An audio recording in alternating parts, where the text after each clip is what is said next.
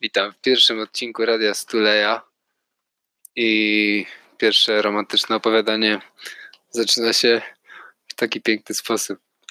A zanim o nim opowiem, to jeszcze dzisiaj wpisałem coś takiego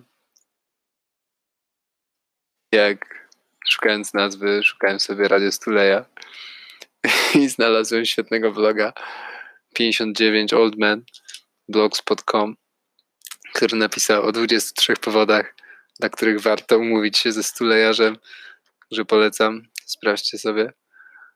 W ogóle nazwa wzięła się ze strasznej beki. Wczoraj byliśmy z kumplem na mieście i jak poszła nazwa stulejarz w ruch, Zresztą jak podeszła nas babka na Nowym Świecie i spytała, czy chcemy iść do dopaminy. I on jej coś odpowiedział, prawda, że to jest dla stulejarzy i nie mogliśmy zamknąć dzioła przez całą noc. Znaczy przez całą noc do pierwszej, nie? Dobra, lecę z opowiadaniem. Opowiadanie z marca. Uzależniłam się od ciebie, od płomieni twych oczu i promieni rzęs. Zapuściłam się głęboko w ten czarujący las i boję się teraz, obawiam, wyjącego szakala. Co jeśli podejdzie bliżej? Widzę w jego zębach twoją pomocną dłoń, tę, która jak wodospad gładziła moje plecy, elektryzowała krew i topiła w niej żelazo. Skoro tobie dał radę, to co dopiero mnie, niewinnej kruszynce, o nogach jak szynka. Rzuci się na mnie, spenetruje kłem po chrząstkę i poddam się mu w bólach, tak jak poddałeś się ty. Dlaczego, wilku? Dlaczego? Roznieść włosy raz, raz jeszcze, rozrzuć tę burzę loków i smagaj bok szakala potężnym wiatrem. Uderz.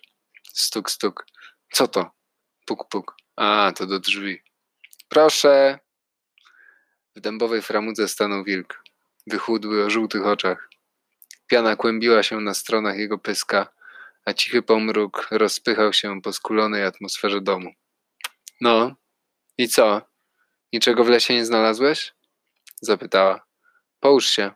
Ja, ja zaraz skończę. Wilk jednak się nie położył. Wchodził natomiast do pokoju Klary, która zawieszona nad książką wzdychała do samej siebie. Gdy usłyszała, że kroki Maxa zbliżają się do jej krzesła, Wysłała mu groźne spojrzenie. Leżeć! krzyknęła i usłyszała puk puk. Kto tam? zapytała, a ciszą odpowiedział, a ciszą odpowiedział jej Gor.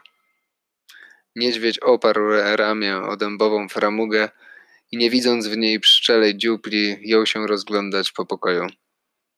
Leżący na ziemi Max spojrzał na niego z podełba, a ich spojrzenie spotkało się pośrodku drogi, tworząc zieloną łunę tuż nad chodniczkiem z jedwabiu. Niebieskie oczy Gora żarzyły się lewoskrętnie. Z kolei Max zdawał się wiercić nimi w kierunku zdrowego rozsądku. Gor, właś i zamknij drzwi, rzekła Klara. Jeszcze delfina tu brakuje. Wróciła do zajmującej lektury. Patrzę, jak śpisz. Siedzę u twych stóp przy drzwiach balkonu, abym, gdy się zbudzisz, była pierwszym ludzkim kształtem na tle promieni słońca, który odbije się na samym dnie twych niesamowitych i zawsze świeżych jak górski potok oczu. Widząc o nich, jednocześnie dostrzegasz, dostrzegam Twoje sny. Śpię z Tobą, nie mrużąc oka. Ruch Twoich palcy mówi o tym, gdzie jesteś. Idziesz łąką, obserwujesz niebo. Z ziemi unosi się różowy samolot. Spadł. To była katastrofa, a teraz składa się w całość i ponownie wznosi w przestrzeń. A uczyli nas, żeby jumbojetem nie robić beczki. Tak o, dla zabawy, mówi pilot, który zmądrzał. Zwłaszcza gdy na pokładzie słoń. Widzę, jak odprowadzasz samolot wzrokiem i jak wzbiera nad tobą tornado, niosące ogromne zwierzę z trąbą i żelazną lokomotywę. Gdzie nie pójdziesz, one nad głową bzyczą, mruczą i grożą wessaniem w wir lub nagłą przerwę w dostawie wiatru i następującym po niej upadkiem lokomotywy i słonia na twoje niebiańskie czoło. Widzę te szczegóły w ruchach twoich kostek. księżycowym blasku płytek paznokci na twych silnych dłoniach. Ach, gdyby mogły teraz spacerem gościć na moich piersiach, ale muszę czekać, by nie zbudzić cię w pół historii, której znaczeniem podzielisz się ze mną przy śniadaniu. Och, aż zdrabniam, tak bardzo tęsknię, wyginam się i drżę, a ty śpisz. Chodzisz, a tornado nad tobą. Wreszcie stajesz w miejscu, a pomruk chmury się nasila. Patrzysz na nią niewzruszony, lecz ciepły. A może to własny żar dostrzegam już w tobie, własne tornado i naturę słonicy. Ukochany, powalę cały las, aby dotrzeć do twych objęć. Wreszcie palce twoje znajdują spoczynek, a chmura się ulatnia. To teraz. Otwierasz oczy, patrzysz w moje. Nie chcę mrugać, choć łzy podchodzą mi przez kręgosłup od samego krzyża. To najpiękniejszy okres w moim życiu, najpiękniejsza pora dnia.